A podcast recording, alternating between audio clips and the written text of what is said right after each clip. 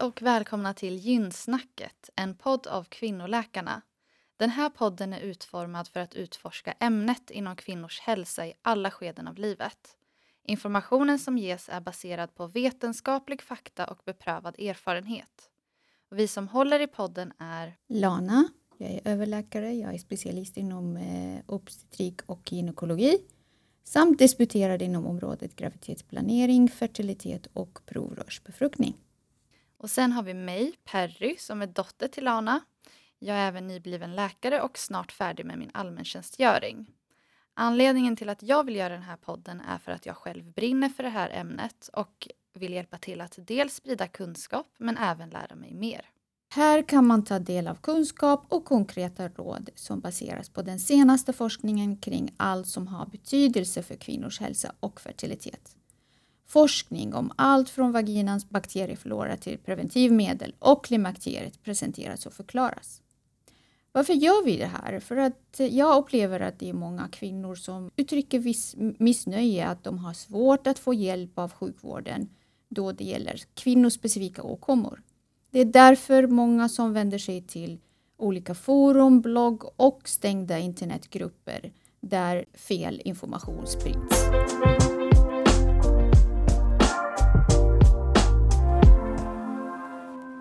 Första avsnittet tänkte vi prata om preventivmedel. Berätta Lana, vad är syftet med preventivmedel? Varför har vi det?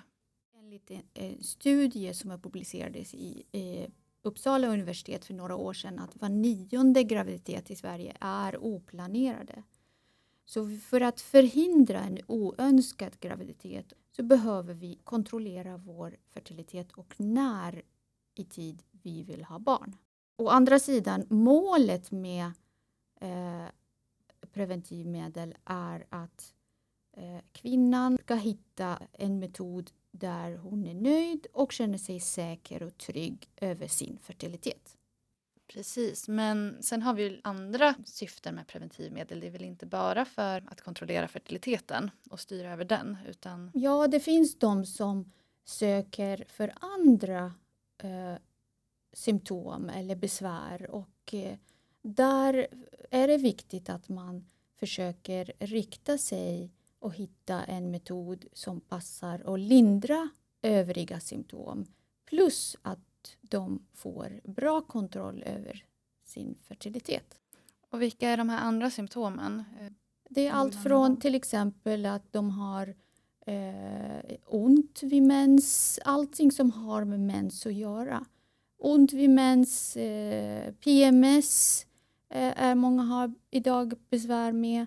Eller eh, det finns problem med huden, till exempel akne som lindras väldigt mycket av eh, hormonella metoder av preventivmedel. Mm. Ja, för det är ju det. Det finns ju massa olika typer av p-piller. Eller inte p-piller, förlåt, preventivmedel. Mm. Eh, och hur, hur ska man tänka om, om man får en patient som kommer in, eh, säg en ung tjej med sin mamma. Eh, hur, för det första, hur tar man upp samtalet kring preventivmedel? Hur vet man om det är dels eh, ja, men, eh, passande att ta upp det? Och, eh, för man, man, vill ju ändå sprida kunskap och hjälpa. Ehm, hur tänker du när du får en, ja, men en ung patient som kommer till dig som inte, själv primärt inte söker för just preventivmedel? Är det någonting du tar upp eller tar du inte upp det om de inte har sökt för det? De flesta faktiskt om, om vi säger om unga tjejer, så de flesta söker inte direkt för att de vill ha preventivmedel, men de söker för att de har besvär.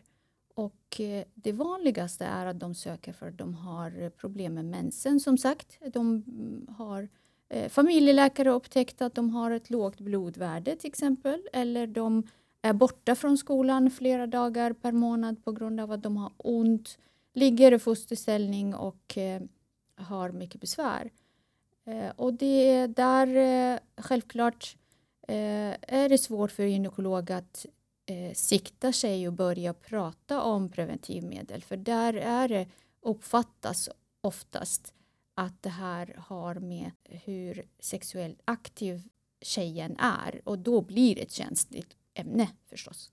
Okej, men om du tar upp ämnet, hur tänker man kring vilket preventivmedel man vill välja? Eh, först och främst så själv, självklart det finns det uppsjö av olika eh, läkemedel och metoder som kontrollerar fertiliteten. Men eh, samtidigt, jag brukar, eh, jag och mina kollegor brukar fundera på vad är huvudsyftet och vad är de sekundära syftet? Till exempel att minska mensblödningar eller menssmärta eller PMS eller akne och så vidare. och så vidare. Mm. Eh, men om, man, om, man, om vi tänker på eh, om vi går liksom närmare in på de olika preventivmedlen. Eh, det finns ju, man kan ju dela in preventivmedel på många olika sätt. Eh, men en, en vanlig indelning är, är väl att man delar upp dem i de icke-hormonella och hormonella metoderna. Eh, för vissa kanske inte vill börja med hormoner direkt. Och vad har vi då att erbjuda patienterna? När det gäller icke-hormonella metoder eh, då finns det att använda, det vanligaste är att använda kondom. Eh, det som är manlig eh, barriärmetod som vi brukar kalla det. Sen finns det kvinnlig barriärmetod i form av eh, Femidå. Nu för tiden finns det också finns det ett sätt att och, eh, avbryta samlag. Eh, och det finns även ett sätt där man räknar den fertila perioden och får hjälp av eh, till exempel en app eller med datorn och räkna kalender till exempel. Och där ingår bland annat det här Natural Cycle som eh, är, verkar vara ganska stort bland eh, unga. Ja, det är en app som eh, räknar egentligen. Det är inget Eh, Eh, det, eh, de, de används även som sagt för att kontrollera fertiliteten. Sen finns det olika typer av pessar. Finns det slitpessar, finns det cervixpessar. Sen finns det spiraler som man också kan eh, sätta in som är utan hormoner. En kopparspiral till exempel som man kan sätta in och då slipper man hormonerna. Mm precis. Men eh, det kan ju vara värt att nämna att eh, alla preventivmedel vi har kan skydda mot graviditet men den enda, enda preventivmedlet som skyddar mot könssjukdomar är ju eh, kondom. Exakt. Och även om man har en säker metod som är preventivmedel eller fertilitetskontrollmetod då det är viktigt också att komma ihåg att använda en barriärmetod som, som femidom eller, eller kondom för att förhindra könssjukdomar. Men vad har vi för fördelar och vad har vi för nackdelar med de icke-hormonella metoderna? Det finns fördelar och nackdelar med alla typer av metod.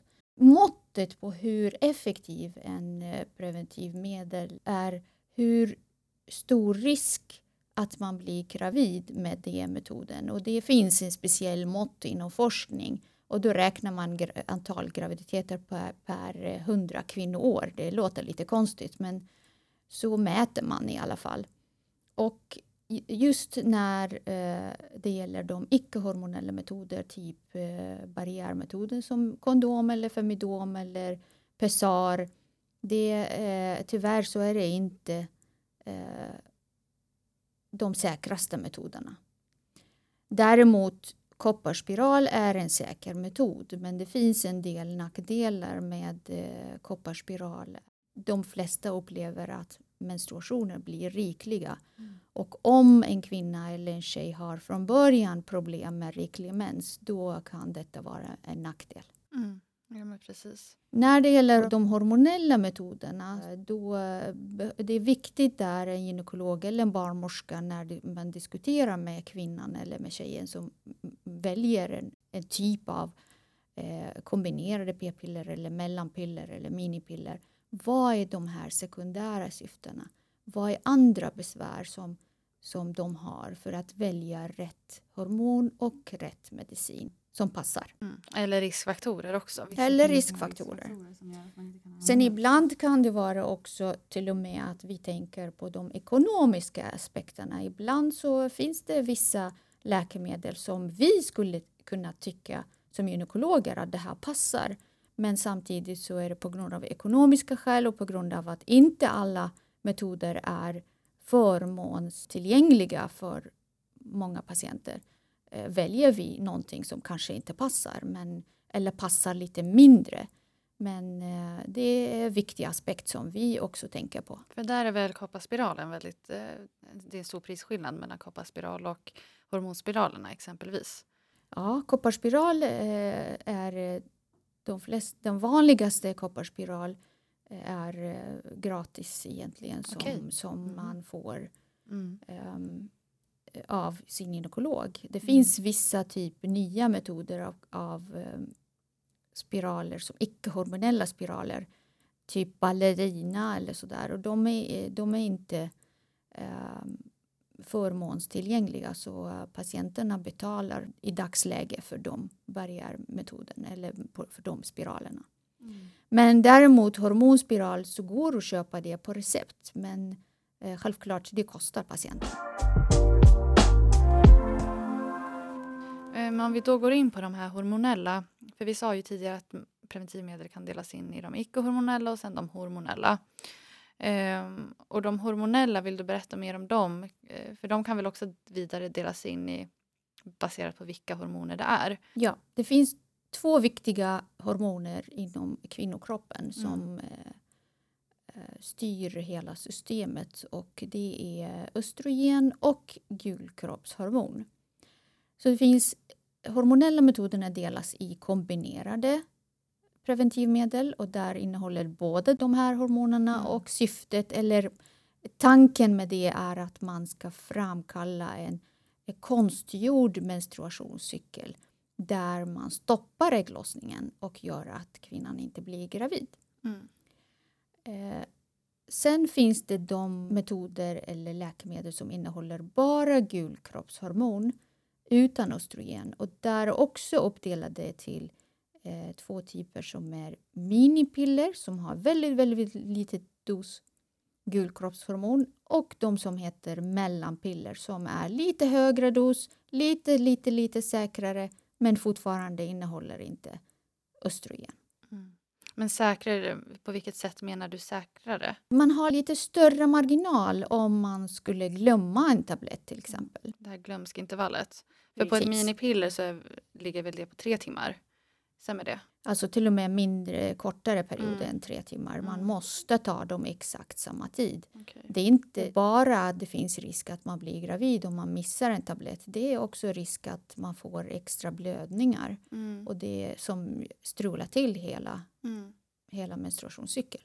För man säger väl att mellanpillerna att de egentligen ska ge bättre blödningskontroll än minipiller. För många som tar minipiller kan småblöda lite eh, hela tiden. Ja, de moderna eh, pillerna idag är de, de, innehåller väldigt, väldigt liten dos hormon i jämförelse med de eh, hormonmetoderna som har funnits tidigare. Mm. Och, och, det är därför ibland så räcker inte de till för att kontrollera eh, om man har blödningsproblem eller eh, mensen är lite oregelbunden.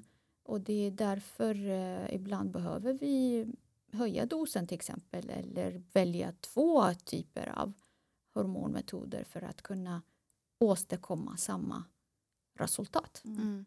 Så när vi säger tidigare när vi sa att eh, mellanpillerna kan vara säkrare, men då menar vi inte till exempel om man tar mi minipiller exakt samma tidpunkt varje dag och tar mellanpiller exakt samma tidpunkt varje dag, då är det inte så att mellanpillerna skyddar bättre mot en graviditet utan båda egentligen skyddar bra men, men det är just det här glömskintervallet vi, vi, vi menar. Ja, mm. exakt. Ja. Eh, men just de kombinerade metoderna, där har vi lite olika alternativ. Då har vi dels p-piller som innehåller kombinerade eh, metoder, just östrogen och gulkroppshormon. Mm. Eh, p-plåster och p-ring. Mm. Um, just det här med p-ring, vill du berätta mer om det?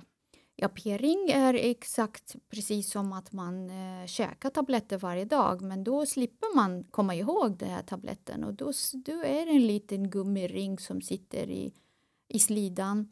Eh, i, eh, egentligen eh, ska man ha det i tre veckor och sen så har man en, eh, en vecka mens och sen eh, sätter man in en ny. Men där brukar vi säga också låt den sitta kvar liksom, och då byter man eh, var fjärde vecka. Mm. Eh, och de flesta får inte någon blödning Och då slipper man komma ihåg och slipper man krångel med tabletterna. Men hur vanligt är det just med p-ring? Eh, är det många som använder det nu för tiden? Ja, det är många som använder det. Och finns det några nackdelar med just den metoden? Nackdelen är typ av hormon som innehåll i den p-ringen kanske inte passar alla. Annars finns det inga nackdelar. Den är säker metod. Men om vi säger, för p-ringen innehåller då både eh, gulkroppshormon och östrogen. Men jag antar att de är lokalt verkande och inte går ut i blodet så mycket. Precis som en hormonspiral, eller? Nej, p-ring är systembehandling. Den går in i blodet, annars funkar det inte. Eh, tanken är att den ska stoppa ägglossningen. Och det Okej. går inte utan att den sitter. Det, eh, tanken är bara att man slipper komma ihåg tabletterna och ta tabletterna varje dag. Och då, eh, För vart sätter man p-ringen? I slidan. I slidan. Mm. Och då går det ändå, det har en systemisk Ja, effekt? Mm, precis. okej. Mm. Mm. Ehm, och p-plåster då? Eh, p-plåster också, alltså eh, i princip samma som p-ring. Men eh, där byter man plåster en gång per vecka Okej. och det sitter på huden. Det är Mm. också systemeffekt, det är också hämmar ägglossningen, precis som p-pillerna, men det sitter som ett plåster på, eh, på huden. Och hur blir det om man vill bada exempelvis? det den sitter fast? så fast, ja. Ja. Och även när man duschar och... Och när man duschar, Ja. det är, nästan är det svårt att få bort limmet efteråt Okej. ibland. Mm. Ehm, Och sen är det viktigt att man kommer ihåg att byta. Ja, ja men precis. Och vart sätter man de här plåstren? Plåstern sätter man eh, bak i ryggen, kanske ner mot liksom, Ländryggen? ländryggen, ja. Eller Mm. nedersta delen av magen, Mm. under bikinilinjen eller bikinikanten Mm. så att den inte syns. Mm. Men den är hudfärgad så det syns inte faktiskt. Och det är Okej. liten. Mm. Eh, och rent eh, kost... Den är inte lika populär som p-ring, jag upplever nej. det. För, det. för den är lite... Eh, jag tror att den är inte förmånstillgänglig till och med. Mhm. Så rent kostnadsmässigt mellan p-ringen och eh, p-plåster, hur skiljer det, Det vet sig? jag inte. Det vet jag inte. Nej. Det vet kanske de som jobbar på apoteken. de Ja, har bättre koll på det. Precis. Ehm, och p-piller, för där har vi ju väldigt många olika p-piller. Ja, precis. Och, och rent utan att gå in så mycket på detalj, för det, det kan ju vara värt att nämna att eh, nu i den här, just den här podden så tänker vi att vi pratar lite mer översiktligt och sen nästa gång att vi går in mer på detaljnivå eh, på varje eh, preventivmedel. Men om man pratar rent översiktligt, det finns många olika typer av p-piller. Vad, vad skiljer mellan de olika? Det skiljer som sagt typ av östrogen och typ av gulkroppshormon eh, i varje preparat. Och ibland, och det, där är också, tänker vi som gynekologer eller barnmorskor som träffar en tjej som vill ha eh, säker preventiv metod på vad är huvudsyftet är som ett preventivmedel och det sekundära syftet till exempel om en tjej har problem med akne eller ökad hårtillväxt till exempel på ansiktet Det är viktigt att använda en metod med en gulkroppshormon som innehåller en antimanlig hormon som gör att man minskar de problemen, till exempel. Mm. Men vi kan gå in i detaljer sen i eh, nästa avsnitt. Ja, men, men om man pratar rent, eh, vad är liksom biverkningsprofilen mellan de olika hormonerna? För eh, gulkroppshormonet ger ju vissa biverkningar medan eh, östrogenet kan ge andra typer av biverkningar. Östrogeninnehåll i de här kombinerade p-piller kan vara, vara förknippade med en del risker, till exempel eh, blodproppar, propprisk eller eh, bröstömhet eller spänning. Sen eh, finns det en del små mm, studerade eh, biverkningar, typ illamående de flesta har och vissa upplever till exempel ökat besvär med migrän. Man behöver tänka på olika aspekter. Mm. Och det här med viktuppgång då, för det vet jag kan vara ett bekymmer för många att vissa inte väljer, vill stå på p-piller för att de upplever att de går upp i vikt. Är det en myt eller finns, är det fakta? Stämmer det? Eh, det, Nej, det stämmer inte riktigt. Eh, möjligtvis eh, sväller man, eh, samlar man på sig lite vätska och då upplever man att man går upp i vikt. Sen det, det är väldigt individuellt från person till person hur ämnesomsättning och hur det, eh, medicinerna tas upp eh, i kroppen. Eh, men aptiten då, kan inte den påverkas? Mm, I vissa situationer, ja, men eh, inte, inte någonting som är vetenskapligt. Mm. Men är det inte också så att, när man, eh, det kan vara vanligare med biverkningar i början när man har satt in p-pillerna de första månaderna eh, och sen att de går över? Ja, det stämmer. Mm. Mm. Det stämmer. Så det kan ju vara värt att Och sen när det veta. gäller illamående så brukar jag säga till mina patienter att ta, ta det på kvällen till exempel innan man går och lägger sig. Då eh, brukar de här små biverkningar från början bli lite, Mm. lite mindre. Mm. Ja. Sen finns det en del som inte får äta kombinerade p-piller och, och därför väljer vi att de ska ha en sån här gulkroppshormonmetod eller, Mm. eller icke-hormonmetod. Mm. Till exempel om det finns någon eh, proppbildningsbenägenhet eller någon sjukdom i familjen som innebär risk. Mm. Eh, till exempel. Eller migrän med aura till exempel. De får inte äta kombinerade p-piller och det är Mm. på grund av den östrogena delen och risker med det. Eh, och det här med risk för cancer, eh, bröstcancer eller risk för äggstockscancer eh, och p-piller. För jag har upplevt att vi, om man har till exempel bröstcancer i familjen att man kan ha en rädsla för att stå på hormonella metoder. Vad säger forskningen idag angående det? Forskningen säger att när det gäller bröstcancer så ärftlighet för bröstcancer är lika med inget hinder för förskrivningen. Det får man. Mm.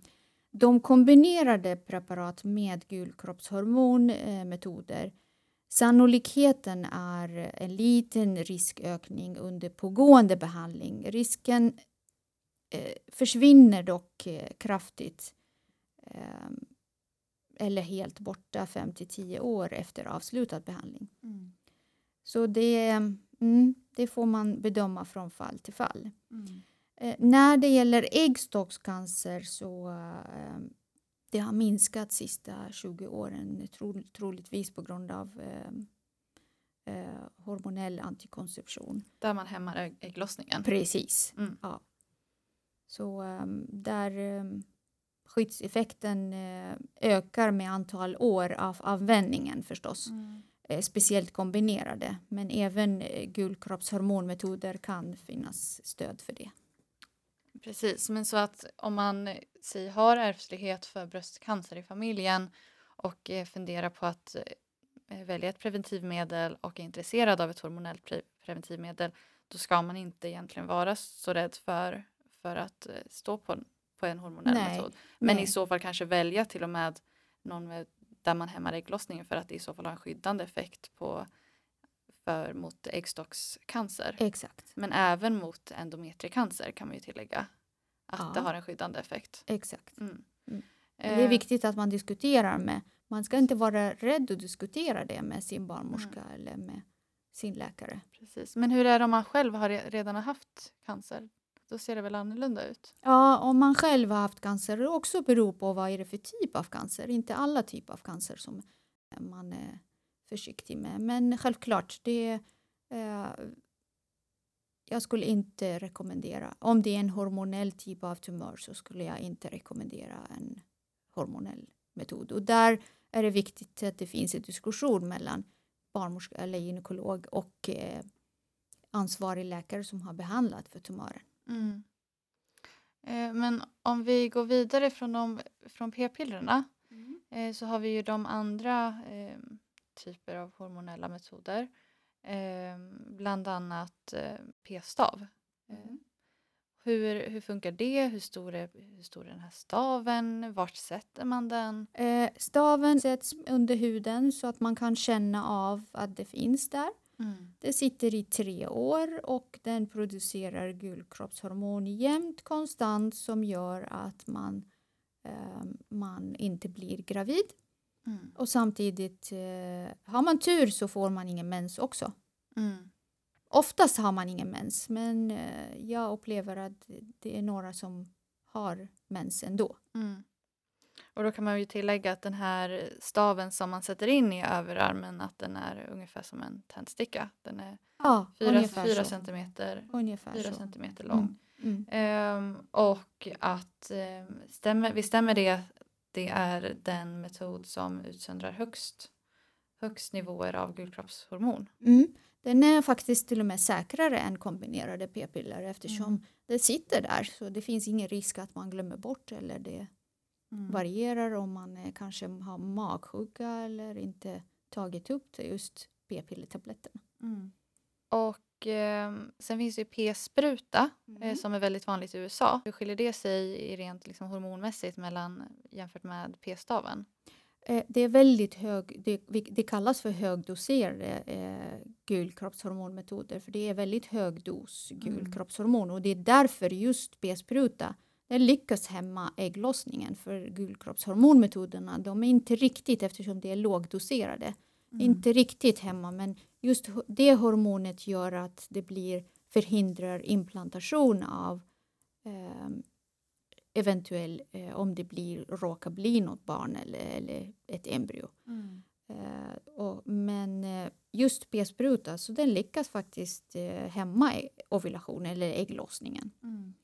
Och eh, den kraftiga hämningen av äggstockarna kan ge eh, väldigt låga östrogennivåer så att benmassan eh, påverkas negativt. Så det är Mm. därför eh, eh, i undantagsfall skriver vi ut det till unga kvinnor. Mm.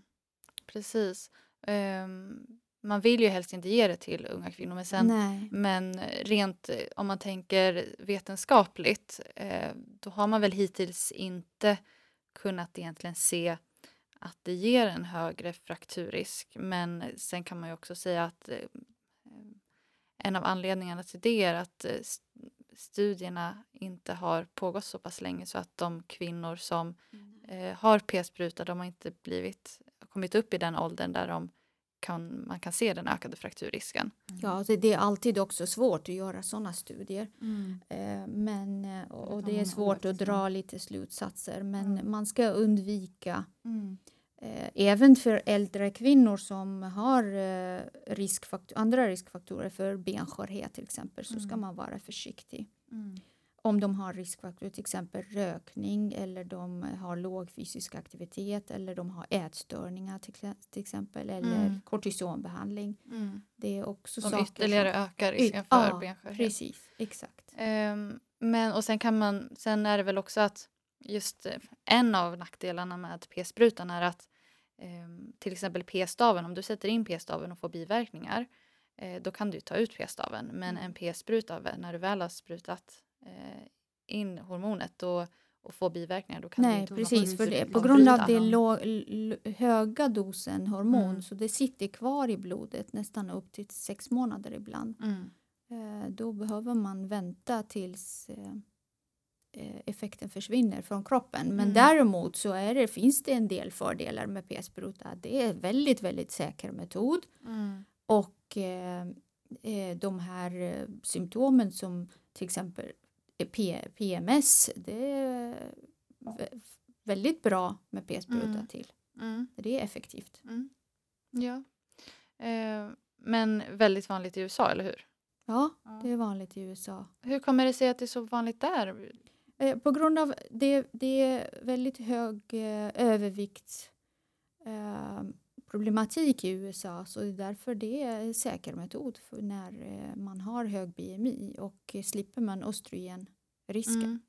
Men, ja, för vi sa, visst nämnde vi att det, det är gulkroppshormon som man sprutar in, men att Det är gulkroppshormon i p-spruta, ja. precis. Mm. När man är Precis. överviktig och har hög BMI då ökar risken för livmoderkroppscancer. Mm. Eh, och det är därför p-spruta skyddar mot eftersom det ger väldigt eh, tunn slemhinna i livmoder där på insidan av livmoder och det är Mm. det som bäddar för, för eh, elakartade förändringar eller cellförändringar i livmoderkroppens slemhinna. Mm. Men hur, hur har den För att det är väl egentligen alla preventivmedel som innehåller gulkroppshormon som har en skyddande effekt på livmoderslemhinnan. Ja, men det finns olika grader på hur skyddande effekt eftersom p-spruta är högre dos då blir nästan jättetunn slemhinna i livmodern så den, den växer aldrig. Men är det också just för att den hämmar östrogenet? För att eh, rent, nu kanske det blir lite detalj, men om man tänker på liksom cellnivå så är väl östrogenet det som producerar eller bidrar till Exakt. cellomvandling eh, mm. och att cellerna delar på sig i mm. mm. livmodern medan gulkroppshormonet av, eller hämmar den eh, liksom cellbildningen. Mm. Eh, så om p-sprutan har så pass hög nivå gulkroppshormon att man även får hämmande effekt på östrogenet då varken eh, ökar cellbildningen i livmodern men samtidigt som man också hämmar. Eh, eller har jag fel? Ja, nej, absolut inte. Det mm. stämmer. Rent teoretiskt, mm. tänker jag. Mm. Ja. Um, Sen finns det fördel också för uh, ju högre gulkroppshormondosen också är bra behandlingsmetod för de som har mensvärk och endometrios. Mm. Precis.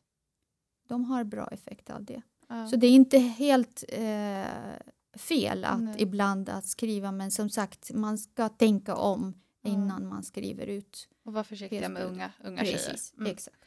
Um, bra, men så då har vi alltså pratat om p-pillerna um, och um, p-spruta och p-staven.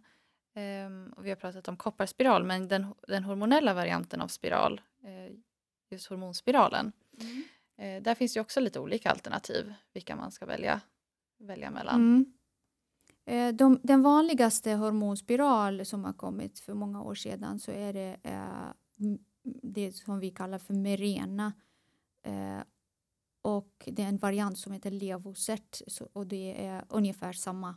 Eh, sen finns det de som är låg, lite lägre doserade eh, som JDES till exempel. Eh, den vanliga eh, hormonspiral som Mirena den sitter i fem år och nu till, till och med den är godkänd för sex år. Mm.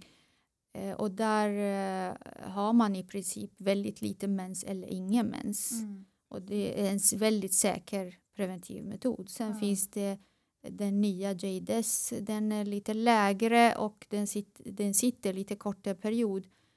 Um, och vissa upplever att det är blödningsproblematik, uh, förändrar blödningsmönster mm. men inte riktigt kontroll över menstruation. Men JDS finns väl inte längre? Nej, mm. men det kan finnas ibland ändå ah. på någon apotek eller så. Ah, okay. Är det att den, den, har blivit restnoterad eller varför finns den inte? Det vet jag inte faktiskt. Nej, okay. Eh, men eh, sen finns ju den här mellan, mellanvarianten, kylenan. Ja, precis. Eh, alltså princip samma och det påverkar eh, cervixkretet och förhindrar därmed eh, spermietransport och funktion.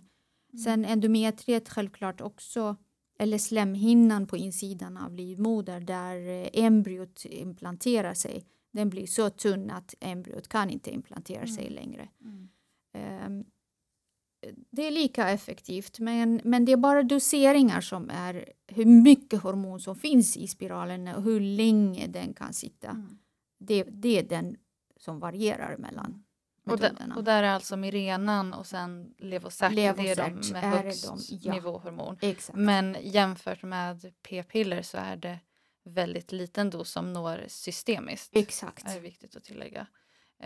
Um, och sen Kylenan innehåller lite mindre eh, hormonmängd och JDS är den som innehåller minst. minst. Mm. Mm. Uh, och vilket hormon är det då som finns i eh, hormonspiralen? Det är ett hormon som heter levonorgestrel och det är en gul kroppshormon. Precis. Um, och effekterna, det sa du ju att det blir tunt, tunn slemhinna. Effekten är på, på livmodertappskretet som gör att det blir stoppar eller förhindrar att spermierna mm. passerar igenom samt att slemhinnan på insidan av livmodern blir så pass tunn att inga befruktade ägg kan implanterar sig och Mm. blir en graviditet. Och riskerna med hormonspiral? Vad, vad är de? Eh, kan förändra blödnings... det- Vissa har blödningar. Och Mm. det, så brukar vi säga första sex månader kan det bli lite eh, blödnings... oregelbundna menstruationer, blo, oregelbundna blödningar. Eh, vissa, har, vissa upplever eh, en del humörförändringar. Kanske ökat problem med akne och Mm. kanske ökat problem med huvudvärk. Eh, sen en del eh, börjar, eftersom det liksom eh, exakt gör inte som kombinerade p-piller hämmar eller stoppar ägglossningen och då kan i vissa, vissa fall upp- man bildar cystor i äggstockarna. Men de cystorna är helt snällartade. Men det, de kan i alla fall göra kanske ont eller de, eh, eh, ibland kan de blöda eller Mm. inget farligt i alla fall men lite besvärligt. Ja, okej. Och risker med när man sätter in eh, hormonspiral? ehm, sker det att man sätter dem fel eller? Det kan hända Mm. men inte så ofta. Nej, okej. Mm. En erfaren barnmorska eller läkare, de, eh, det, det är ingen lång upplärningskurva på det. Jag tänker att vi, vi kanske ska avrunda här och så att vi under nästa eh, avsnitt pratar mer om detaljer. Men sammanfattningsvis då så har preventivmedel syftet med det att man kan kontrollera fertiliteten. Mm. Det är väl huvudsyftet. Sen Mm. använder man nu PP eller preventivmedel mot, ja men som vi sa, om man har eh, problem med eh, menssmärta eller problem med rikliga menstruationer. Ehm, och när man ska välja ut preventivmedel så kan vi dela upp dem i de hormonella metoderna och de icke-hormonella där eh, de hormonella sen kan delas in i de kombinerade där vi har både östrogen och gulkroppshormonet. Eh, sen har vi de bara gestagena som man säger och gestagen är samma som gulkroppshormon där de bara är gulkroppshormon. Eh, och där, är, där har vi p-staven, vi har p-sprutan, vi har eh, hormonspiralen. Eh, Sen har vi minipiller och mellanpiller. Ja, just ja. Och de kombinerade så har vi kombinerade p-piller eh, och vi har eh, eh, p-ringen och eh, P-plåster. Just det, tack. P-plåster, precis. Ehm, bra. Eh, och de icke-hormonella, nu, nu gick jag inte in på dem, men det är ju bland annat eh, de här natural cycles och sen ja, men kondom, femidom, pessaren. Pessaren har vi inte gått in så my- mycket på, men det kan vi ju göra nästa eh, Mm. avsnitt. Ja. Eh, och sen dels olika, jag tänker att nästa avsnitt kan vi prata mer om de olika typerna av p-pillerna, mellanpiller, vad är det egentligen, eh, fördelar, nackdelar, ja, men gå in lite djupare och kanske meka, lite mekanismer. Mm. Och lite tittarfrågor eventuellt. Mm, och sen kanske kan vi ta, gå igenom de eh, moderna eh, pillerna som finns i marknaden som har blivit väldigt populära som till exempel eh, Slinda och eh, Drovelis som är ny östrogenhormontyp som, som eh, börjar bli framgångsrikt. Ja, så kan det vara förresten värt att tillägga att om man har någon fråga till oss så kan man skriva till oss på Instagram, ät kvinnoläkarna och skicka ett meddelande till oss så svarar vi på de frågorna antingen direkt eller så tar vi upp dem i podden. Vi tar upp alla frågor anonymt så det är inga namn som nämns. Ehm, bra, tack så mycket så hörs vi i nästa avsnitt.